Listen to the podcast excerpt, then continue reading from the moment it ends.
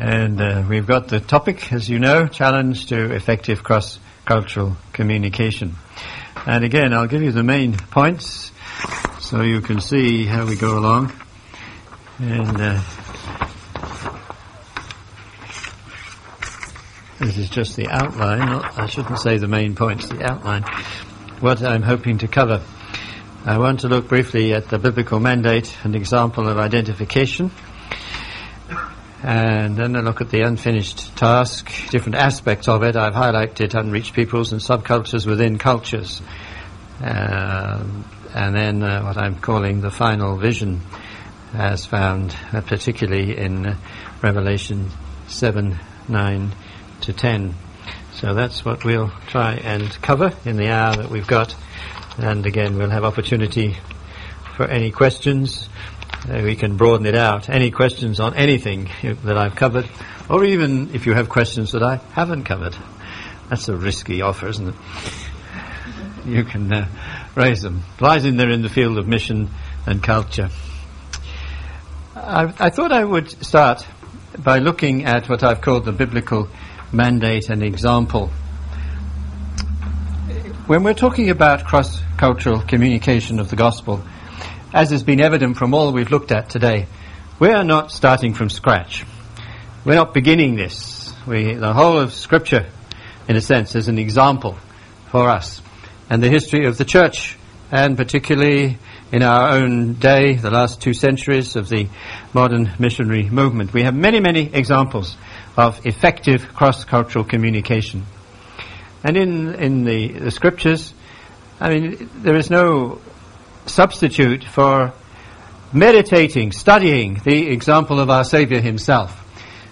Because, as, as I've stressed today, his is an example of cross-cultural communication. He lived and taught and died and rose again in a cross-cultural situation, an alien culture in one sense, taking our nature and form. And his example is something we come back to time and time again in our own Christian experience. It is uh, very interesting. I find it profitable uh, constantly to, to come back and uh, to study again how the Saviour responded to the situations in which he was living and where he was challenged himself.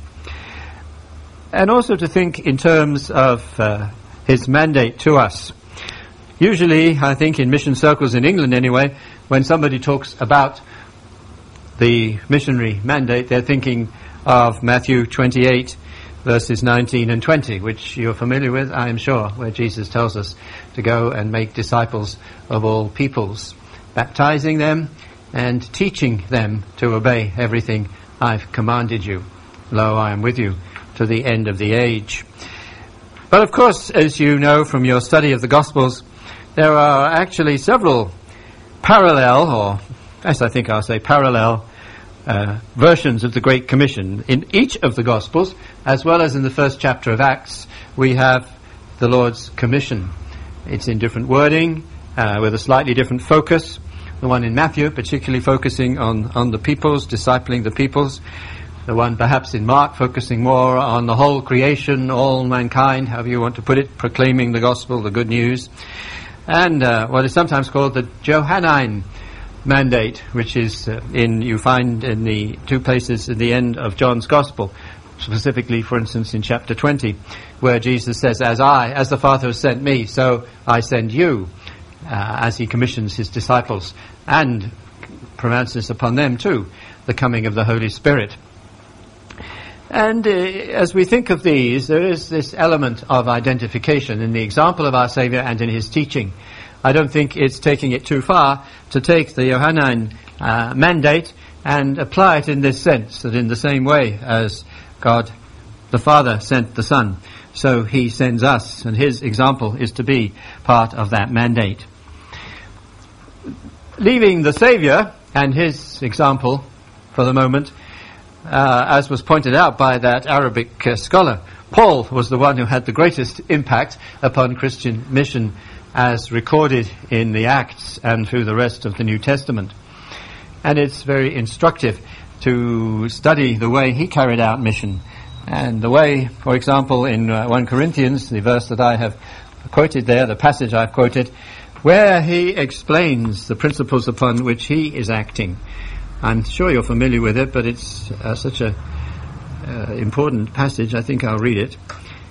Where in, two, in 1 Corinthians 9, 19, the apostle writes, Though I am free and belong to no man, I make myself a slave to everyone to win as many as possible. To the Jews I became like a Jew to win the Jews. To those under the law I became like one under the law, though I myself am not under the law, so as to win those under the law.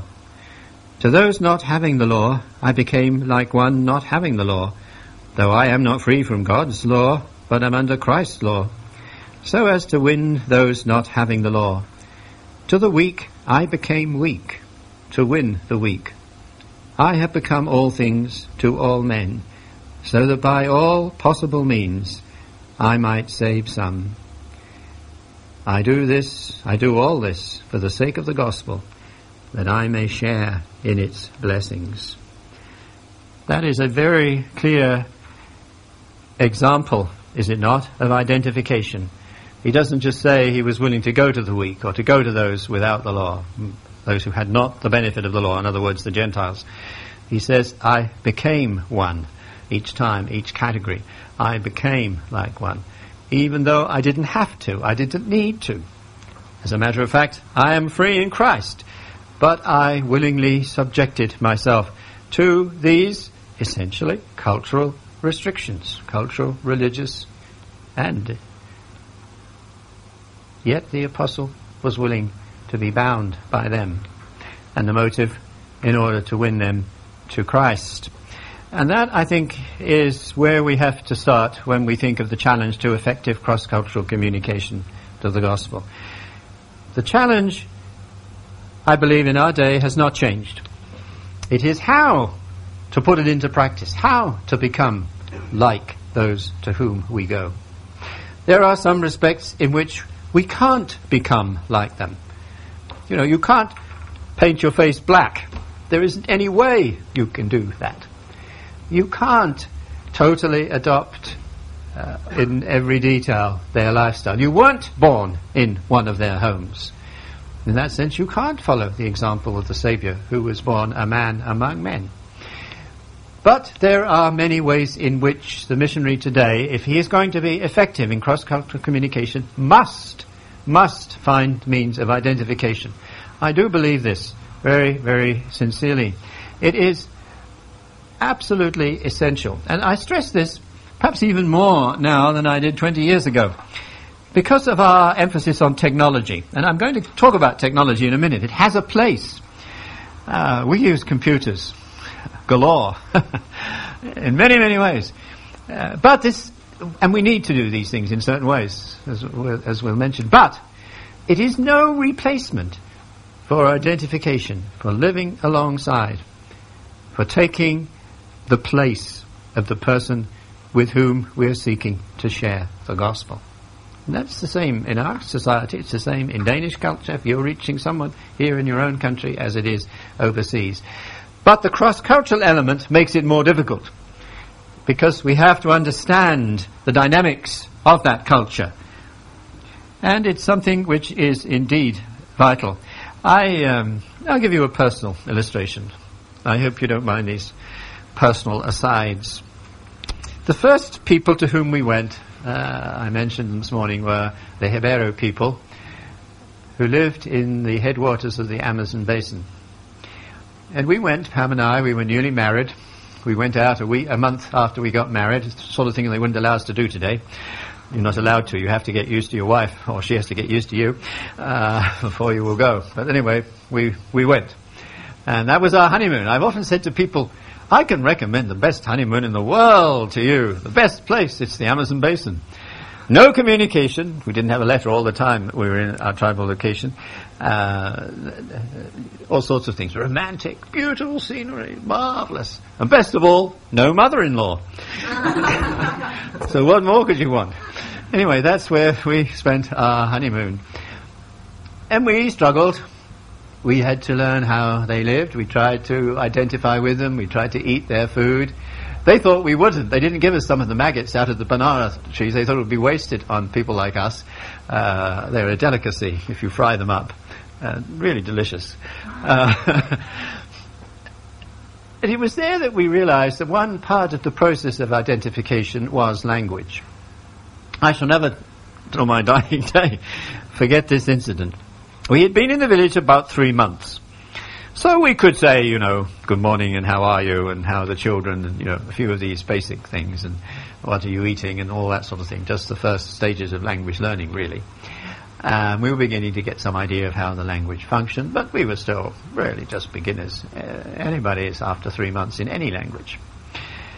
Well, that afternoon we'd gone for a walk. We often went for a walk in the afternoon, about five o'clock. It was a good time to go out that was the time we had learnt when the people come in from the fields. If the men had been out uh, working in the fields, they'd be back by by five. Uh, the women would be there. They would, yes, they would be getting ready the evening meal and so on. But they were uh, they were willing to chat, and it was a good time. Good time to visit. Good time to find people in. Sometimes, if you went other times of the day, they'd be out doing things. So this was a good time, and and people did it. They visited around. It was quite a common practice at dusk for that to happen. So it is, again, it was part of the pattern of life. And that afternoon, there happened, as we went into this compound where these people were living, this family was living, there happened to be another visitor. And he was a trader. Now, he, he was a Spanish speaking, this was the country of Peru, and Spanish is the main language, and he was of uh, mixed descent, and in their eyes, he was a typical Peruvian. And he had lived there, in and out. He, he, what he did was he would buy trade goods outside, bring them back into the Jebero village and uh, sell them to the people, and then he would buy from them. He would also buy some of what they grew, what was called barbasco. Used to be used in an insecticide. So that was his life. And in the course of that, he had married a Jebero girl. So his wife was a native speaker and just brought up as a, as a village girl. But he had never learned the language. And that afternoon, to my astonishment, we had never anticipated anything like this happening, and to my consternation, after we'd been talking a little bit, he, he the host, uh, Carlos was his name, he turned to this trader and said to him, How long have you been living in our village? Well, it was a simple enough question. The man said, Oh, it must be 25 years now since I first came to Jeberos. Hmm. And then the next question, really, right out of the blue. And how much of our language do you understand? And he made some excuse, something about it was too difficult.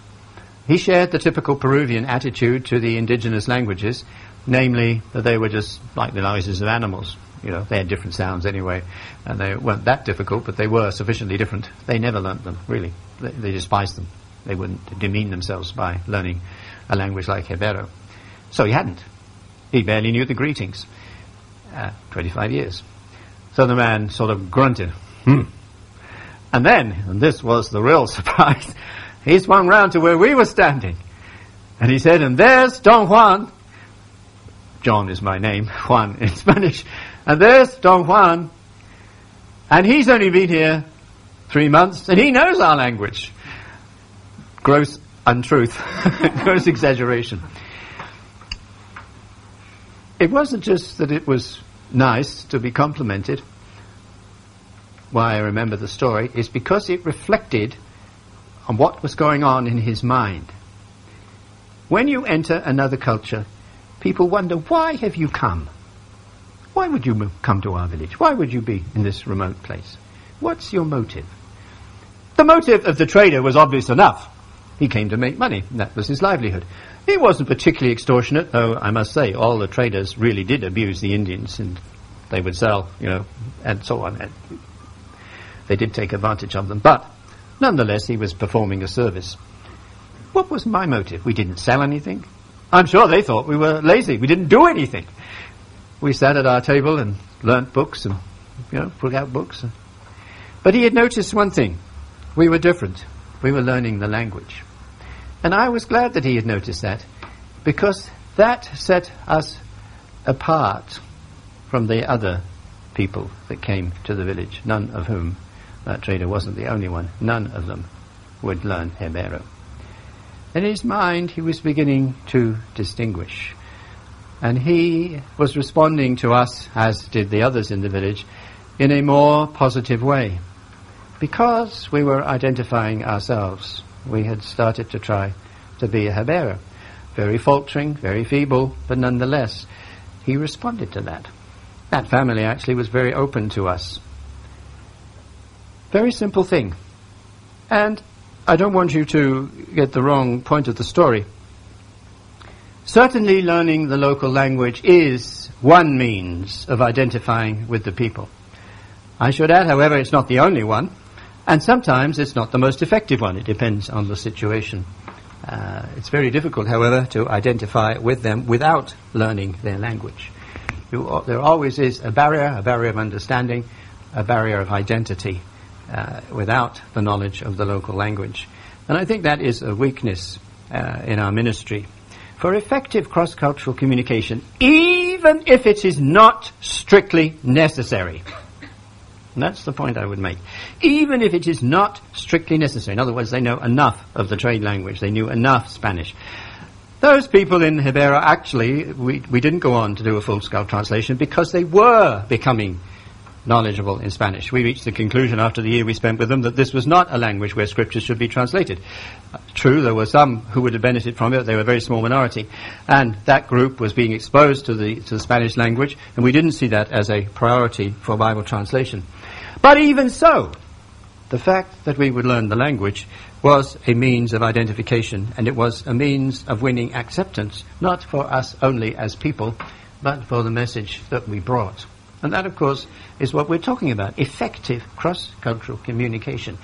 It was, if you like, not necessary for clarity in communication.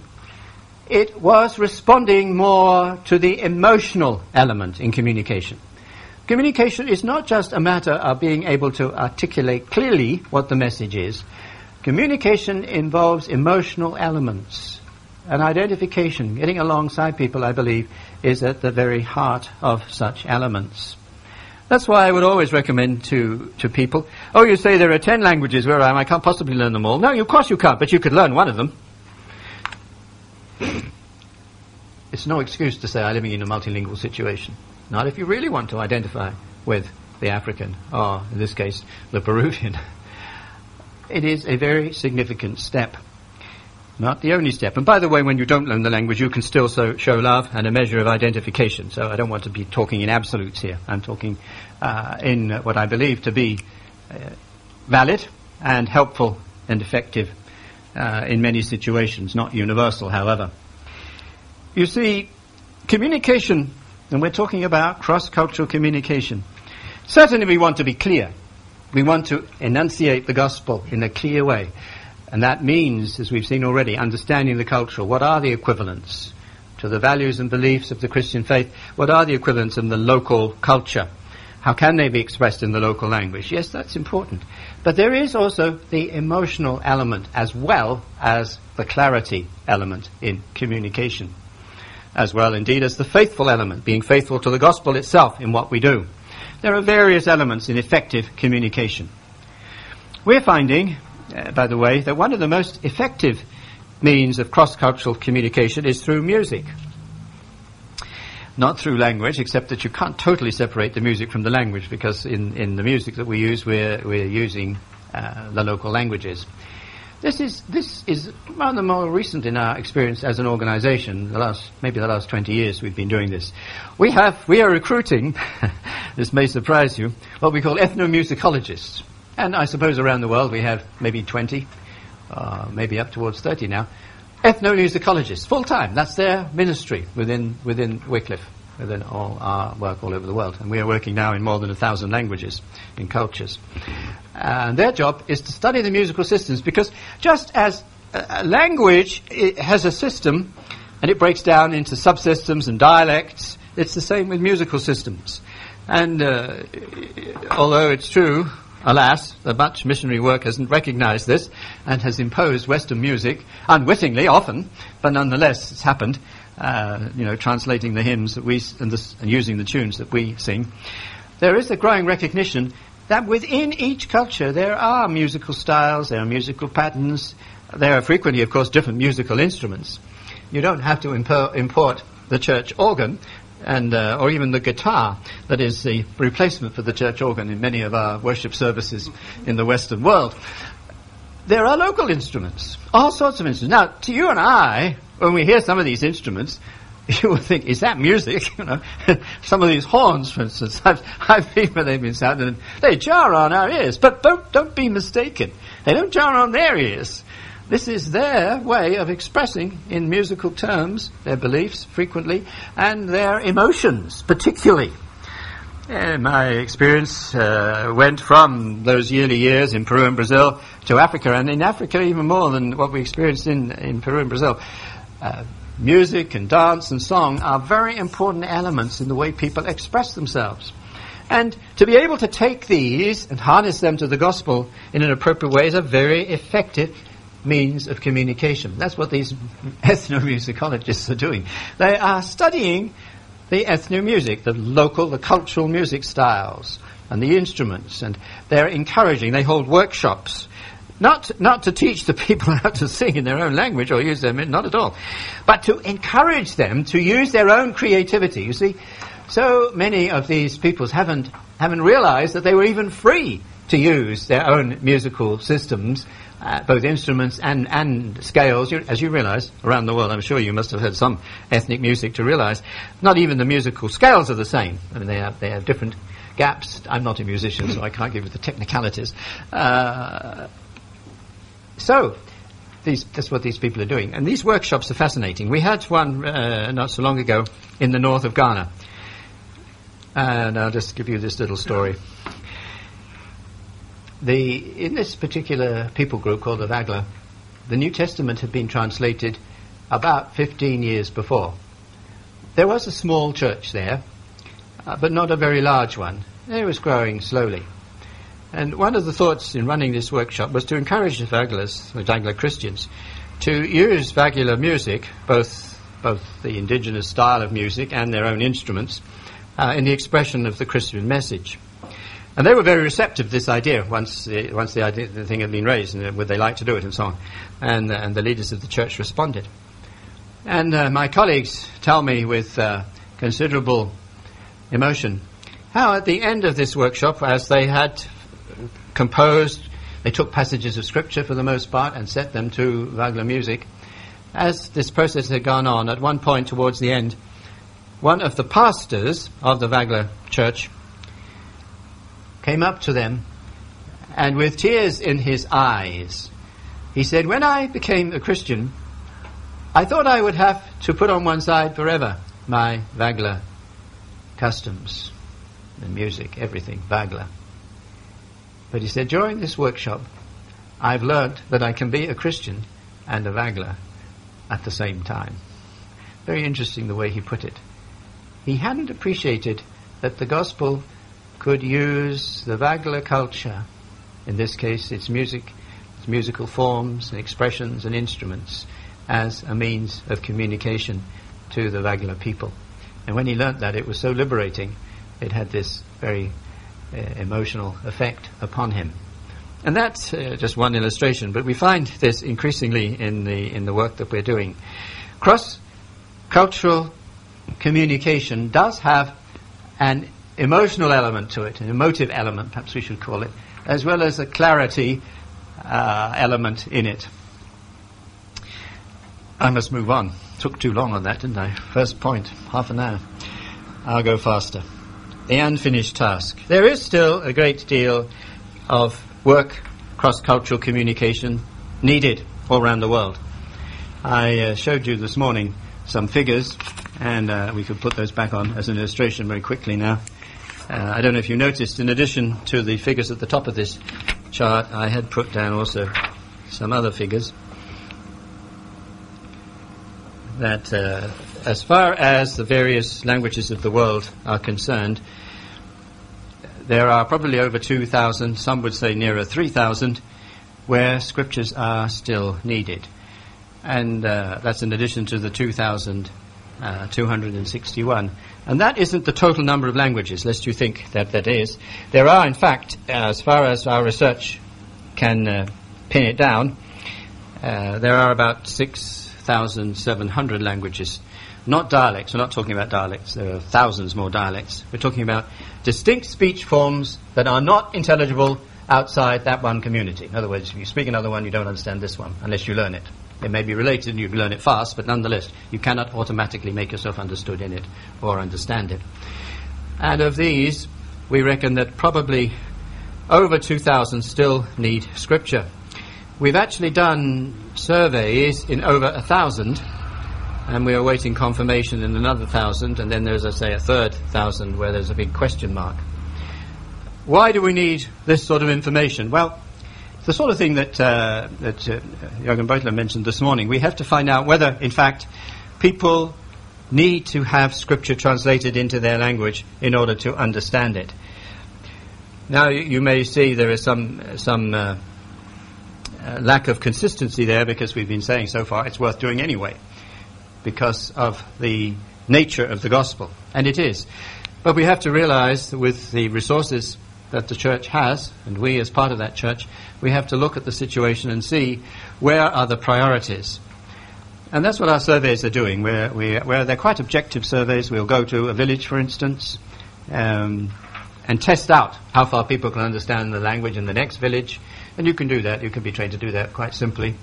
Uh, you need to be trained because you need to, there's certain pitfalls. You're not testing their comprehension. You're testing their ability to understand the language, which is different. Uh, comprehension may, may be uh, a different matter. Uh, it's not necessarily on the language. Uh, so, you can be trained to do it though, and we can take text material, we call it, samples of the language which are suitable, and then play them, you know, record them, and then play them, and see, measure the degree to which people understand them, and all that sort of thing. And then we can see that with the what, uh, what existing scriptures there are, we can do the same. We can find out how far do they understand these. Uh, do they communicate with them? Do they communicate the right meanings? Or do they miscommunicate? And so on. That's why we are confident about the first thousand and why we're pursuing the second thousand to find out. We have at any one time 30 to 40 people all over the world uh, who are doing this, this survey work. And we train people specifically to do this so that they can go out and uh, spend. It's pretty arduous work. Usually a couple of years, they're ready for a change. They may go back again for another two or three years and so on because it means moving around, uh, uh, visiting the villages and actually testing in this way whether people need scriptures in their own language or not. Now we're also looking at what we call the socio-linguistic factors, the kind of thing again that was mentioned this morning. How far are they bilingual in another language?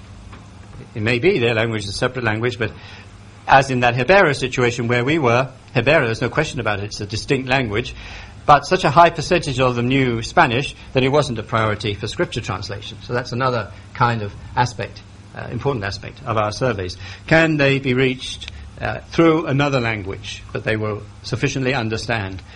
And does that language, incidentally, we also try to find out, does that have any negative overtones? Because sometimes uh, a message in a given language will be perceived negatively, not because of the nature of the message, but because of the nature of the communication. That people reject something which comes to them in a language which they don't feel favourable towards. Actually, that happens in our own culture. we come on to subcultures. If you talk to some people in the wrong accent, then they won't listen to you. They reject you. You're a posh type, or the opposite. And, and, you know, these are very real factors in looking at how do we get this message, this life, urgent, life-saving message, how do we get it across effectively? So we look at these and then make decisions, sometimes no doubt wrongly, but as best we can under God's guidance, seeking His direction to where such translation is still needed. Now, I haven't got time to give you in this short space today much of an idea, but I will just give you two or three samples of where there is still significant translation work needed. Because um, people often ask me, well, where are, where are these people that have these languages where communication still requires translation? If you go to Africa, for example, the area which is the greatest need in this respect is this area we call the Sahel. What's the word in Danish? Do you have a similar word? The Sahel? You know what that is? Same, same, okay. We must have got it from you. There's a lot of borrowing, as we said this morning. It's there. Oh, well, my pen's moved. there.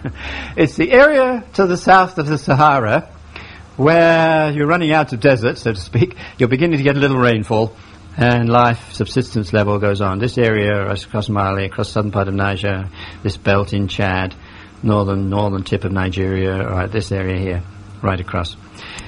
Uh, in that area, there are still people groups which haven't been evangelized, where there is no Christian presence. I'm using this term uh, uh, unreached in the sense that there's no, there's not, there might be individual Christians that have heard the gospel in one form or another and responded, but there isn't a group of believers who are able to communicate the gospel to their own people using that as a rough definition. That's what I mean by unreached. There, there isn't a sufficient group of people, uh, it can be quite a small group, would be sufficient, who can really reach out to their own people. That doesn't exist. For instance, in, in Chad, there are at least, Chad has about 100 people groups, incidentally. And there are at least 35 where that would be true, and they're mostly in this area here, and they don't go up into the Sahara. Some of them have been won over to Islam, many of them are still animists. You go to a village, and I know this area reasonably well. You go to a village and you talk to the chief, um, and the chief will will say, um, yes. Uh, he won't necessarily put it in figures like 20%, but he'll say these these people have become Muslim, and roughly 20% will be Muslim now, but the rest will be still practicing animism. That kind of thing is very real in these villages. Now, uh, he will also go on to say, "Please come." This is the interesting part about it, perhaps. We would love you to come. If you come, we will build you a church. Very interesting. Uh, and he means it. Why does he want you to come? Well, he doesn't really want you to come because of the gospel. He wants you to come because you'll be medical, you know, you'll, you'll, you'll raise the status of his village over the next village if it has a white person living in it, and so on and so forth. All sorts of reasons. But nonetheless, he's open. And yes, I'm a Muslim, but we're, we're very happy to have Christians. See, this is not, this is a Muslim government, the government of Chad is a Muslim government, but it's not a fundamentalist Islamic government. It's a very moderate Islamic government. And in the south, the church has spread quite widely. This area down here, there probably 50% of the people would say they're Christians now. So the church has a presence, but it hasn't penetrated up here. Because one of the things that concerns us in the work that we're doing is how to involve Chadian Christians, and that's very much high on our agenda because it isn't just expatriates who can be used in these kinds of activities. We want to see more and more Africans trained to do the, the translation and the cross-cultural communication. And we are seeking to way, work with the existing churches to that end. As I mentioned, that's one of the things that particularly I'm focusing on now. But that's just one example, and you can multiply different parts of the Sahel uh, in that in that way. Let's look at another continent. Uh, just again, just giving you tiny snapshots. Uh, where are such people groups found today? Well, you'll find them, for example, in the bo- on the border of Vietnam, Cambodia, and Laos, this whole area, the Montagnard people, the mountain people. You'll find similar groups right up and down that area. I remember flying one time in a in a helicopter over Irian Jaya, and uh, down below us, as we went over this area here, it's a mixture of swamps, big rivers. Uh, uh, it's a very difficult area of access. And you know, as we went over, we could see little villages. And as far as we knew, and we had pretty good information because uh, it came from people knowledgeable of the area, there wasn't any evangelism going on in that whole area, and that's quite a wide area actually.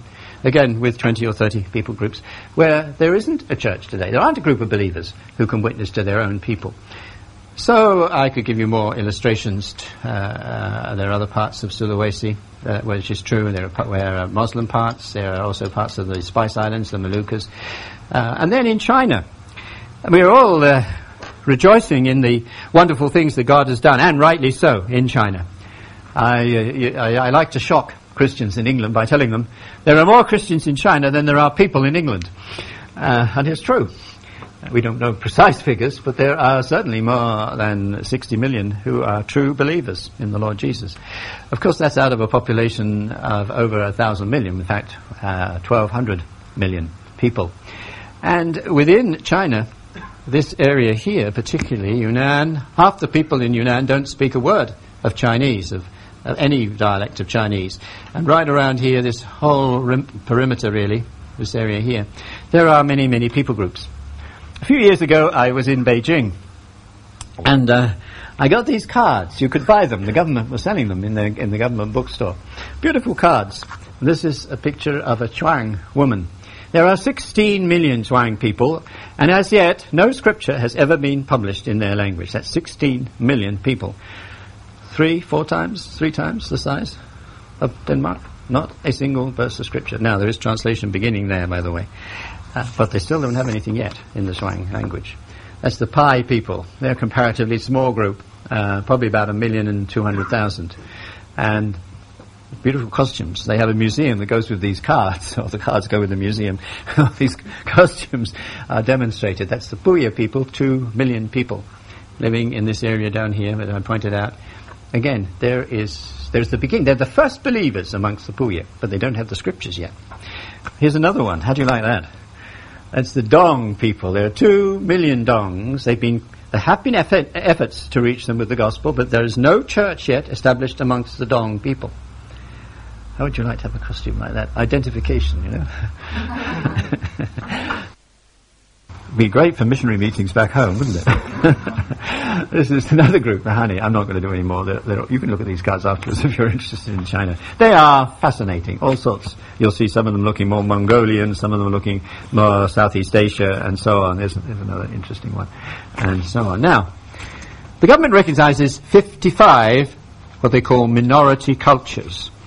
And it's possible, we're doing linguistic research. They haven't given us permission to do Bible translation, but they are happy to see us doing basic linguistic research, and we, we see this as a kind of pre-evangelism, preparing the way. We long to see, of course, some of the, the, the Chinese-speaking peoples being trained to reach into the minorities within their own country. We don't know how God is going to work that out. But all I'm doing this afternoon is to point out to you that there are still places in the world where it is necessary to translate the scriptures. In spite of all that is happening in terms of globalization, in spite of the spread of these major languages, there are still such places. And if the good news is to be taken to them effectively, crossing into their culture, becoming part of them, then there have to be messengers. They don't have to be from the West, and increasingly they are not from the West. It's wonderful to see what God is doing in Africa and in Asia. You know, in our own ranks, for instance, we have about 300 Asians who've been trained to do Bible translation. Why not? They could do it just as well, probably better than most of us. However, having said that, don't think that means Danes aren't welcome or needed. It doesn't mean that at all. We have a part to play. You know, missionary work today. I heard one uh, veteran missionary from a, not not a, not a European, actually um, an Asian, said that mission today is from all peoples to all peoples. Not bad. And that includes from England. That includes from Denmark. We have a part to play in the worldwide mission that goes from one culture to another right round this globe. The extent then of the mission task is still considerable just in terms of these unevangelized people groups. But of course it's not just a matter of those. Within groups where there is uh, already a church established, there are what I've called here subcultures within cultures. And there are so many illustrations of this. I can only touch on just, just a tiny number. There was one that was mentioned this morning when uh, Jürgen Böttler mentioned urbanization. You know, in, in Africa, what's grown up, particularly in the last 25 years, are these urban situations where thousands of people are coming, particularly the educated people and they, they have their own subculture. They are not the same. That culture is not the same as the village culture. Not at all. And I guess the challenge is, how do we communicate effectively in these subcultures? I mean, within our own Western world, there's a youth subculture. It's a very interesting phenomenon. In many ways, the youth in, uh, I'll stick my neck out. You can tell me I'm totally wrong. I suspect that the youth in England probably have more in common with the youth in Denmark, and by youth I mean, what, 16 to 26, that sort of bracket, than they do with an older generation in England or Denmark. It's very interesting how a culture has spread. It's a kind of subculture. And there are divisions within that, subcultures of subcultures, if you like.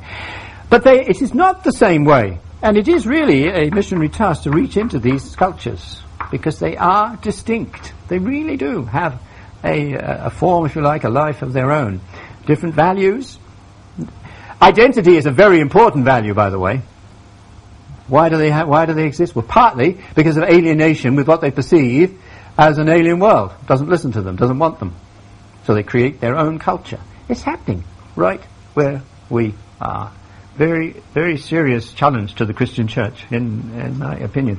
It's um, these these youth cultures develop too, sense of belonging. They, they want. Very interesting how the us them. They want to be part of us as opposed to them.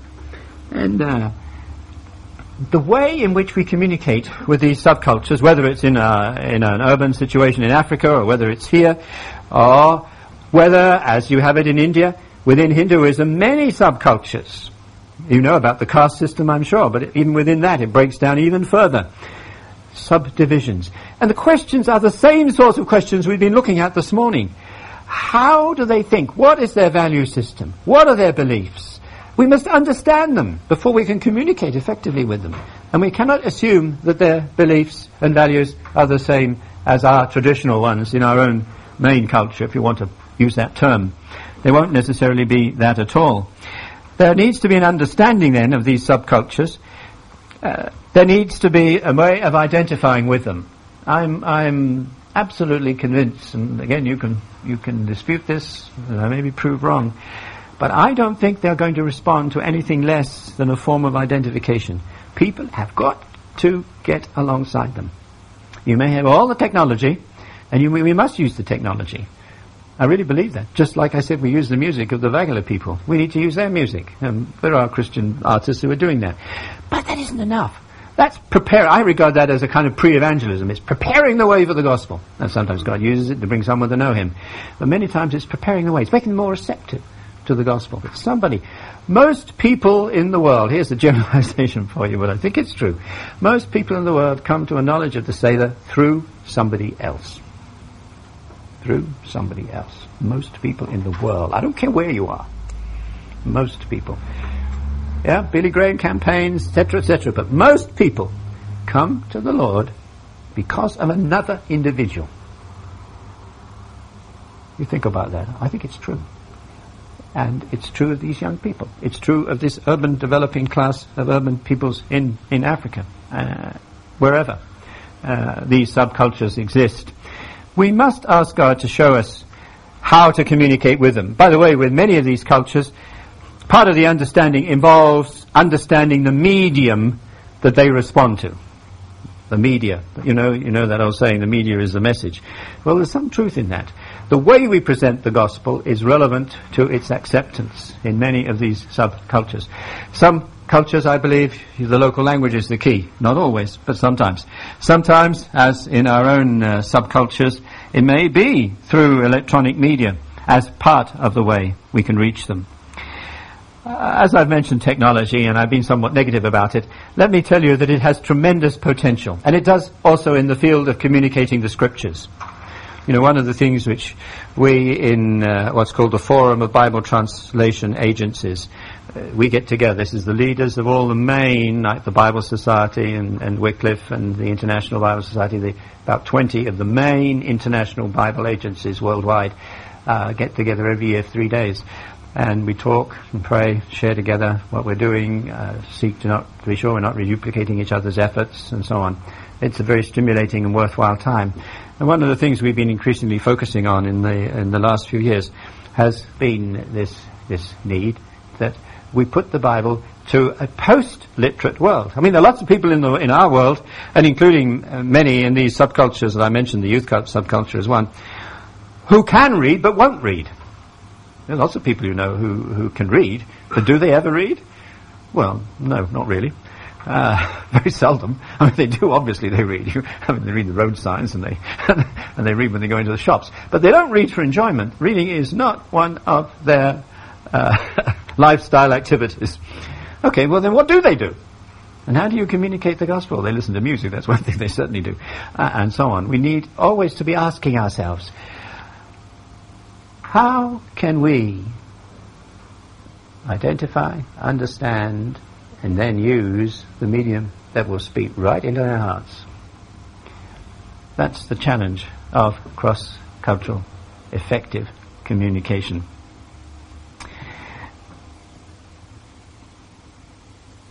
You know, I think I, uh, I, was going to say something more, but I, I think I'll leave it at that. Um, it does. I'll make one final comment on this point before going to my last one. It is fascinating to to see the way people need they need a self a self identity. I, I, find increasingly how fascinating this is. It, it's part again of our human makeup that we have to belong to some group. It's, it, it's just a universal phenomenon. In the village, it's belonging to the village and knowing the customs, the culture of the village, who says what, who goes first, etc. And it's exactly the same in our so-called modern global society. And one of the fascinating things is the more global we tend to become, it would seem that the more people search for a local identity. Uh, I don't know what the parallel would be in Denmark, but one of the things that's been in the news in the last couple of weeks in England, in Britain I should say, not just England, has has been uh, the way the Welsh feel. It happens to be the time of year when the Welsh have their Eisteddfod. Do you know what the Eisteddfod is? It's a great cultural thing where the Welsh sing Welsh songs and read Welsh poems and do everything Welsh. Okay, that's a very uh, outside view of, of an Eisteddfod. It's a cultural festival. And the Welsh have been doing this for generations. And, the, and this brings up the whole subject, and it's come up, it's got into the news throughout the British Isles in quite a big way in the last two weeks. Uh, how they are feeling their identity. Oh, they've got a certain amount of devolution politically. Uh, they've been better recognized, if you like, in the last uh, couple of decades. But that's not enough. They're talking about uh, making it compulsory for people, English people who go to live in Wales, to learn Welsh.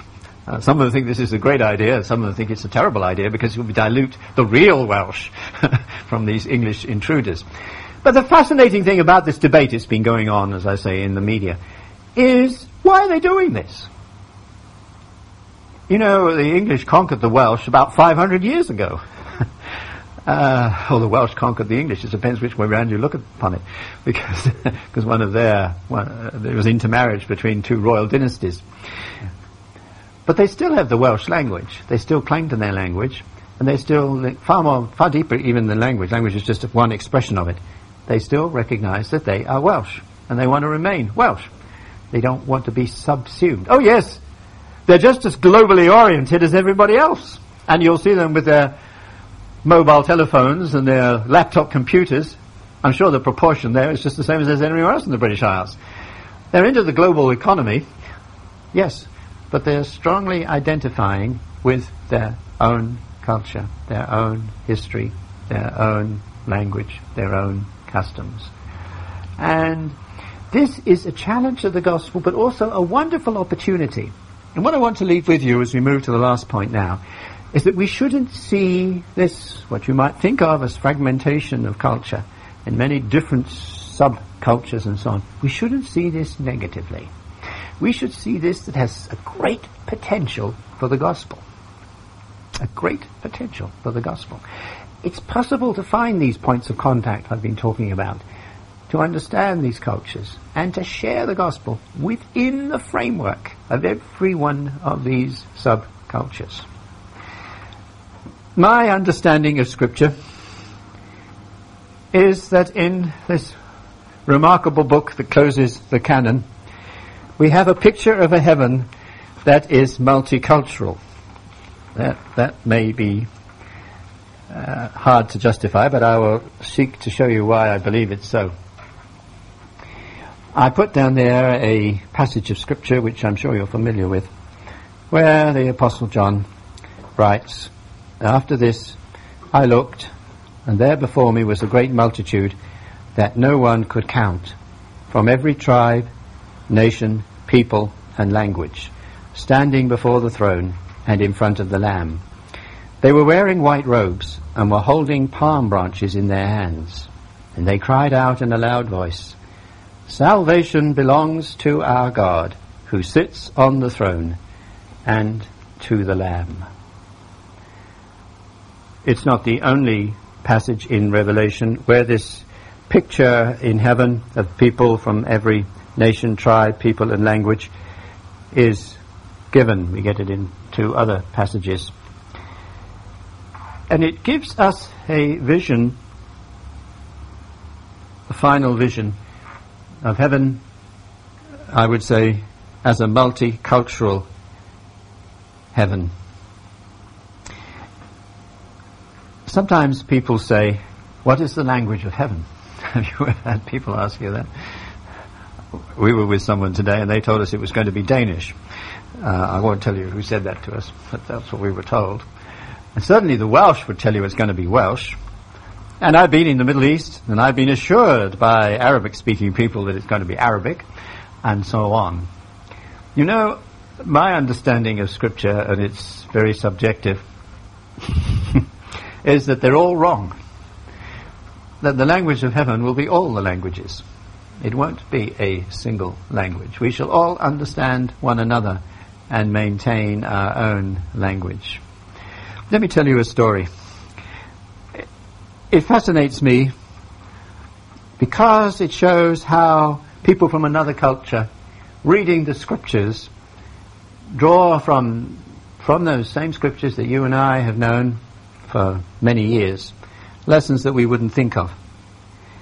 In Guatemala, Guatemala has many tribes and clans and uh, the way you distinguish them is by their costume. I don't know if you've ever seen costumes from Guatemala. They're beautiful. The embroidery. Every every clan uh, has its own distinctive blouse patterns or shirts for the men and so on. It's it's woven cloth material. It, these are mountain people. Beautiful. So they know immediately. Because they always, when they go out, they go to market or anything, they wear the, their own clan garment. So everybody knows you come from over there, you come from here, and so on. Well, the Mayan translators who translated Revelation, that passage, they noticed one thing. They noticed that the apostle knew that these were people from every tribe, people, nation, and language. And they asked themselves, how did he know this? Now, normally they would answer the question by saying, in their Mayan traditions, by their clothes, of course. But that couldn't have been true, because it says they were all dressed in white garments. They all had the same garments. So they deduced from this, and you may smile, they deduced from this, well, they must have known because of their language. What else could have told the apostle that these were people from all the different language groups, tribal peoples of the world? And furthermore, they then took this argument back to some of the church leaders in the cities who were saying it's not worthwhile using Mayan languages. Why don't we all use Spanish? These languages are despised. And they went back to them and said, don't say that. These languages are going to be spoken in heaven. how did they know? You tell me how, the apostle knew that these people were from all these different cultures and tribes. It's fascinating little insight. This is a true story. You'd hardly believe it. But it's not really far wide of the mark. I don't see anything in Scripture which suggests it's God's intention to enforce uniformity. It isn't what we see in the Scriptures. God is a God of infinite variety. Think of the way He's created the world. How many different flowers are there? How many different bugs are there? Incredible variety, right? And I believe that's, again, a picture of God in creation, but also in what we see in the scriptures. I expect to use English in heaven. and I expect you to be able to understand it. And I, I will understand you in Danish. Well, of course, it is speculation. But I do know this God superintended the division of the world, he established the peoples, including their languages and cultures. He ordained the world as we see it. Yes, in one sense it was part of Babel, the punishment that stemmed from Babel. But God demonstrated also at Pentecost that He takes up these differences. And I believe we'll find the same in heaven. I find great exhilaration in thinking of heaven as being a place where there's a great orchestra. We know there's music in heaven, don't we? Tremendous worship and praise in the presence of God. I love reading Revelation for some of the pictures that he gives. Just thrilling. You know, what would an orchestra be like if everybody was playing the violin? Pretty dull, wouldn't it? Have you ever had pity for the fellow that sits at the back, the percussionist, and the great orchestra's there, and the beautiful symphony is being played, and he sits there, and he sits there, and he sits there, and the first movement is completed, and the second movement is completed. And then comes the third movement. He takes up his triangle, and he goes, dong, dong, just the right moment. You couldn't play the symphony without the percussionist. He only dongs three times, or whatever it is, 33 times. But he's part of that orchestra. The violins, yes, the violas and the double bass and the bassoons and the, you name them. They're all there. Maybe that's the best picture of heaven. When all the cultures and languages are going to resound to the glory of God. Maybe it's just a little group, like those 200, 200, 300, there may be more by now, Day in the heart of the Amazon basin. Just a few. They're like the percussionists. Just a couple of strokes. But they're there. And heaven would be incomplete without them. Isn't God wonderful? I feel like responding as the apostle did in Romans 11. Oh, the wonders of God and his ways past finding out. So I say again, don't be afraid of cultural differences and language differences and all these things that we see as obstacles. Look at them as opportunities. Look at them as what God has ordained, which will be to his final praise and glory. And that's what really matters. Thank you. Now we can have questions. Yeah, let us have questions, comments, what has been said and what has not been said. yeah.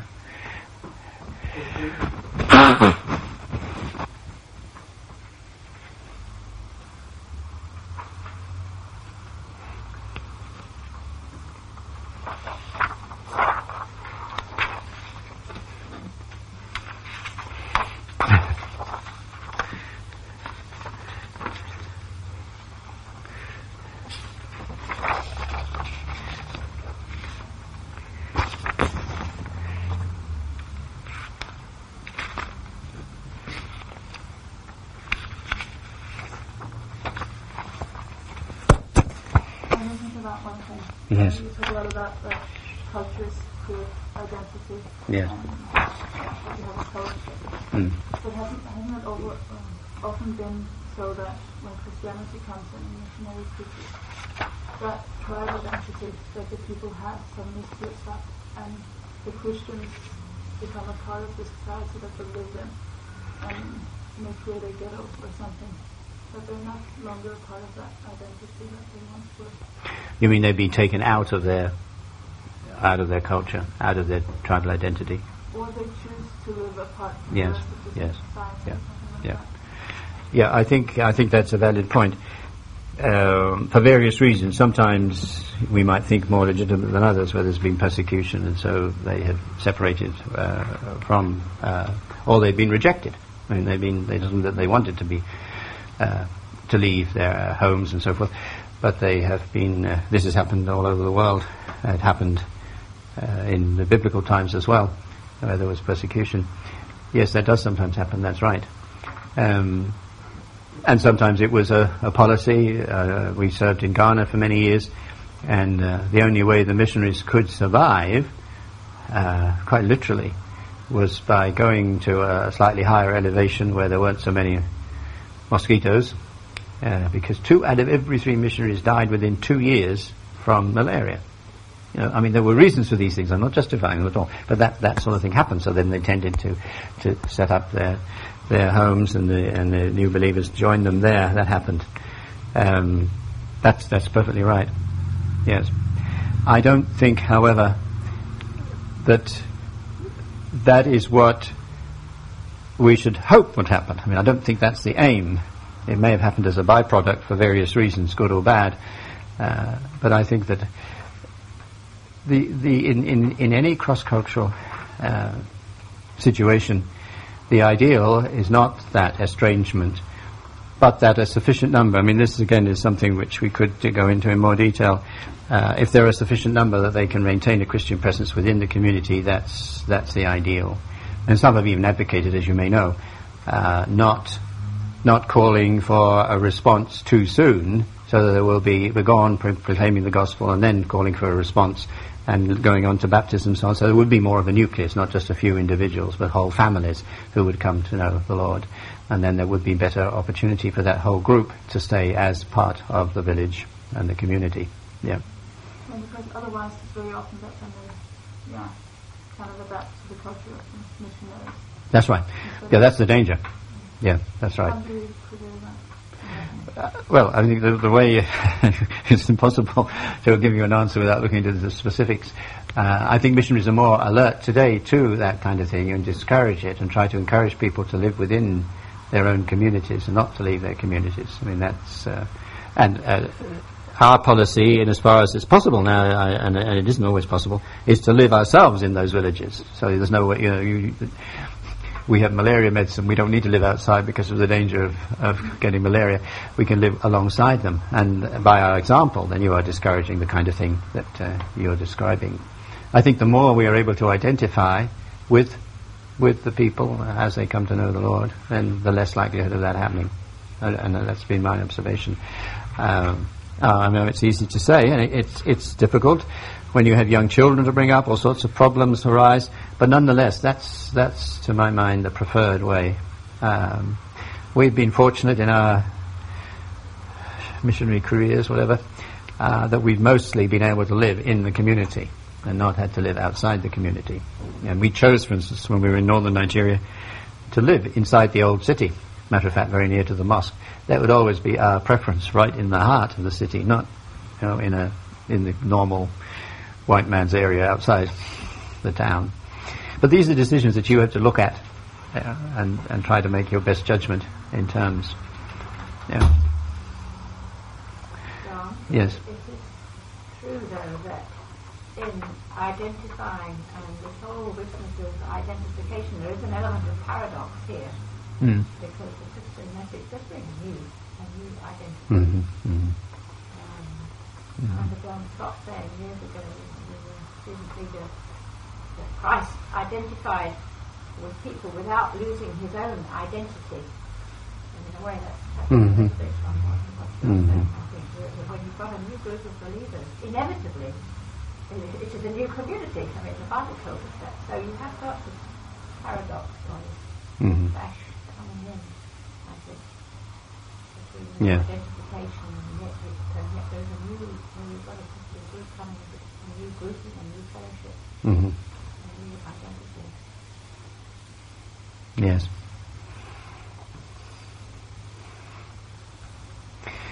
Let me ask you a question, since you don't want to ask me any. I said that I thought the youth subculture uh, i- in Denmark was probably more in common with the youth subculture in the UK than it has with, say, my generation's culture in either country. I don't know if you'd agree with me. it's, it's fascinating to me to see so, so many similarities, uh, which cross countries actually, but, but. Uh, what's the situation here in Denmark? Yeah, I think you're right. Also what they said on MTV, you know, that uh, MTV had like their 10th anniversary or something like that. Mm. That has, uh, yeah, spread the subculture a lot. So in Mm. many ways, we probably very similar to the UK. Mm. I'm sure there must be differences, obviously, between Denmark and England, but there's this, there's some common themes, if you like, some common values which stretch right across. It's just amazing, really.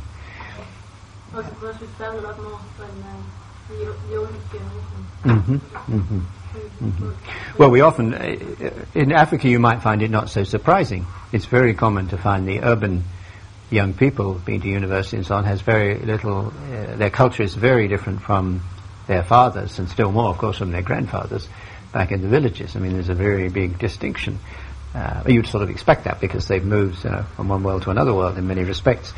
But the interesting thing is, even in our so-called modern world, I mean, I think we are still in it, even if we are a little older. You've still got these these subcultures emerging, and I think that that's that will always go on. It won't be the same shape. I mean, you know, in the next generation, it'll it'll be different. Uh, again, because people are seeking identity, they're seeking uh, to express their own values, they're wanting to mark themselves off against, as it were, in contra distinction to other groups. Yeah. Yeah. Yes. Yeah, I think you're, you're right, and also because of the information technology Yeah. that we are about. They have That's really same records as swept, isn't it? Yeah. The pop song, whoops. Yeah. Yeah. Now that leads me to a, an observation or question around. Um, you, you mentioned it, that uh, the Mm. youth culture is less, uh, not a reading culture as much as uh, Mm, the parents mm, were. mm. They can read, but it's like Mm, music and mm. things like that. Now, um, this leads us into maybe into a situation which is more like uh, going to a, what in other contexts is called an order society. Mhm. Now, if you look at Christianity and uh, Scripture, Mhm. it's Scripture, it's a, a written word. Mhm. Now, now, how is it the future? Because if um, culture develops away from from, Mhm. uh, Mm. from a written word Mm. into something else, maybe uh, Mm. I don't know, music, whatever. Mm. Uh, how, how can the Bible then be translated to this Mhm, mhm. new medium? Mhm, mhm. I mean, that's the kind of issue that we, I mentioned this Forum of Bible Agencies, these are the kind of issues we've been uh, trying to look at. Um, not that we have any answers as such, but uh, trying to start work on thinking, well, what are the implications of this? I mean, one, uh, one of the one of the ways is to use the technology. For instance, okay, people will use their computer. They don't want to read a book. But they're now beginning to come out some excellent Bible study studies, which are interactive on the computer. Okay, you, you, that's the way they, they they don't mind using their computers till two o'clock in the morning. Okay, well why not put this? do, do you see what I mean? It's saying okay, they're not going to open a book, but they'll go and keyboard on now. Can we present the gospel in such a way that this will be attractive to them? I think we can. Uh, I've seen some excellent beginnings of this sort of thing where you can key on, there are questions answered, there are pictures, you know, and you can get your Bible study on the computer. You don't even need to open your Bible. Now, okay, that may be, uh, it's that kind of thing we've got to be creative, I think, in asking ourselves, any, any, how can any media, in this case I was using the computer, I suppose the same is true of film and video, I mean, personal, uh, the way that's developing, much more immediate again, much more interactive. Again, how can we use how can we use this for for the gospel? Um, so I don't. I'm I am sure it's possible. I, I really believe that. I'm not uh, discouraged. I think we notice something else though, and, and um, very often these things uh, go through phases. In other words, people who may start like that will will also then develop an appetite for more serious study. You know, uh, one thing may lead to another. We find that in the, in the, if I can give an illustration, like I did of those, those music, using music. What we, and the same with using things like the Jesus film, which has a very, very powerful attraction. Very, very powerful. But what is encouraging about it is that very, very often people who would not otherwise want to read uh, ask to buy Luke's Gospel, the book of the film. Now, okay, that's a different culture. I'm going back to a, a two-thirds world culture, not to this postmodernism that we're encountering. But I think there may be some of that as well, that once people have, they can be weaned, if you like, from one to the other, let's put it that way. I don't ever think myself that the book is, is going to disappear. Okay, however much these other forms come, this is going to be no substitute for, for the book.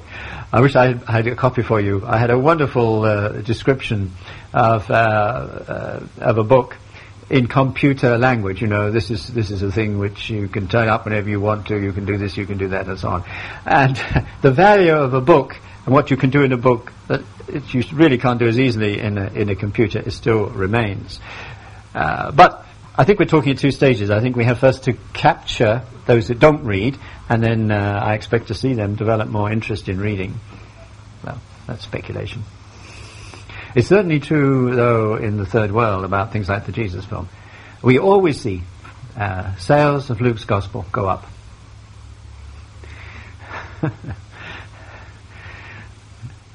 I don't know how many of you have seen the Jesus film, but it follows very closely the, the text, the narrative text of Luke's gospel, so that's why people want to use it.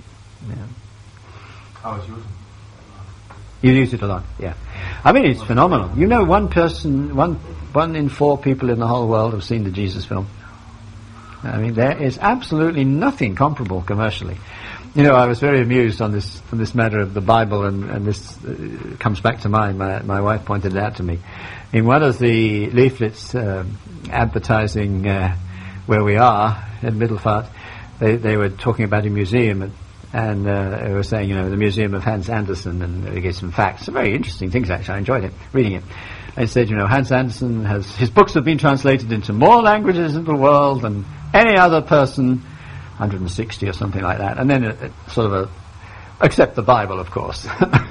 well, 2,261 is a little different from 160 or whatever the other figure was. I, I, actually would have questioned their claim, actually, because I think Mao's writings were translated into like 400 languages, but anyway, I don't know about